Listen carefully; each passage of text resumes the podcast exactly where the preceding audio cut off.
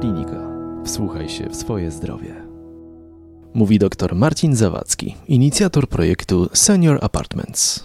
Problemem polskiego systemu opieki zdrowotnej jest myślenie o opiece medycznej wyłącznie przez pryzmat y, szpitali. Jako ciekawostkę warto przytoczyć fakt, że w przeliczeniu na 100 tysięcy mieszkańców tzw. Tak łóżek szpitalnych ostrych w Polsce jest najwięcej w Europie. Może to być zaskakujące. Konsekwencją jest to, że o opiece medycznej myślimy z perspektywy szpitala. W momencie, kiedy pobyt szpitalny się kończy, wpadamy w pewną lukę. A jak wiadomo, y, rehabilitacja, czy też proste dopilnowanie zaleceń lekarskich na czele z, z właściwym przyjmowaniem leków jest absolutnie fundamentalne dla podtrzymania efektów leczenia, a co nie sposób też nie wytknąć, nie podkreślić dla kosztów systemu. Z trzech dawek dziennych, e, zgodnie z dostępnymi statystykami, pierwszą dawkę dzienną pacjenci przyjmują w 80-90%, drugą w 60%, a trzecią w 30%. Przyjmowanie leków służy temu, aby we krwi utrzymać określone stężenie tego leku. Jeżeli te dawki brane są w sposób niewłaściwy, zmniejszający się, tego stężenia nie ma.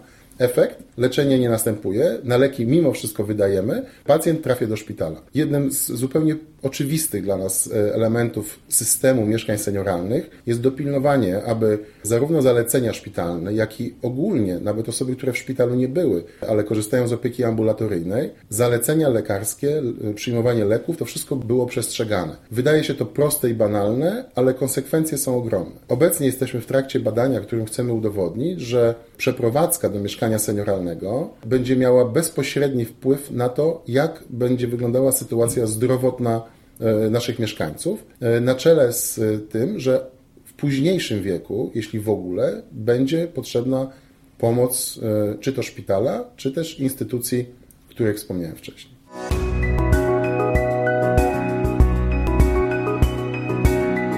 Więcej audycji o zdrowiu na stronie radioklinika.pl oraz w naszej aplikacji mobilnej.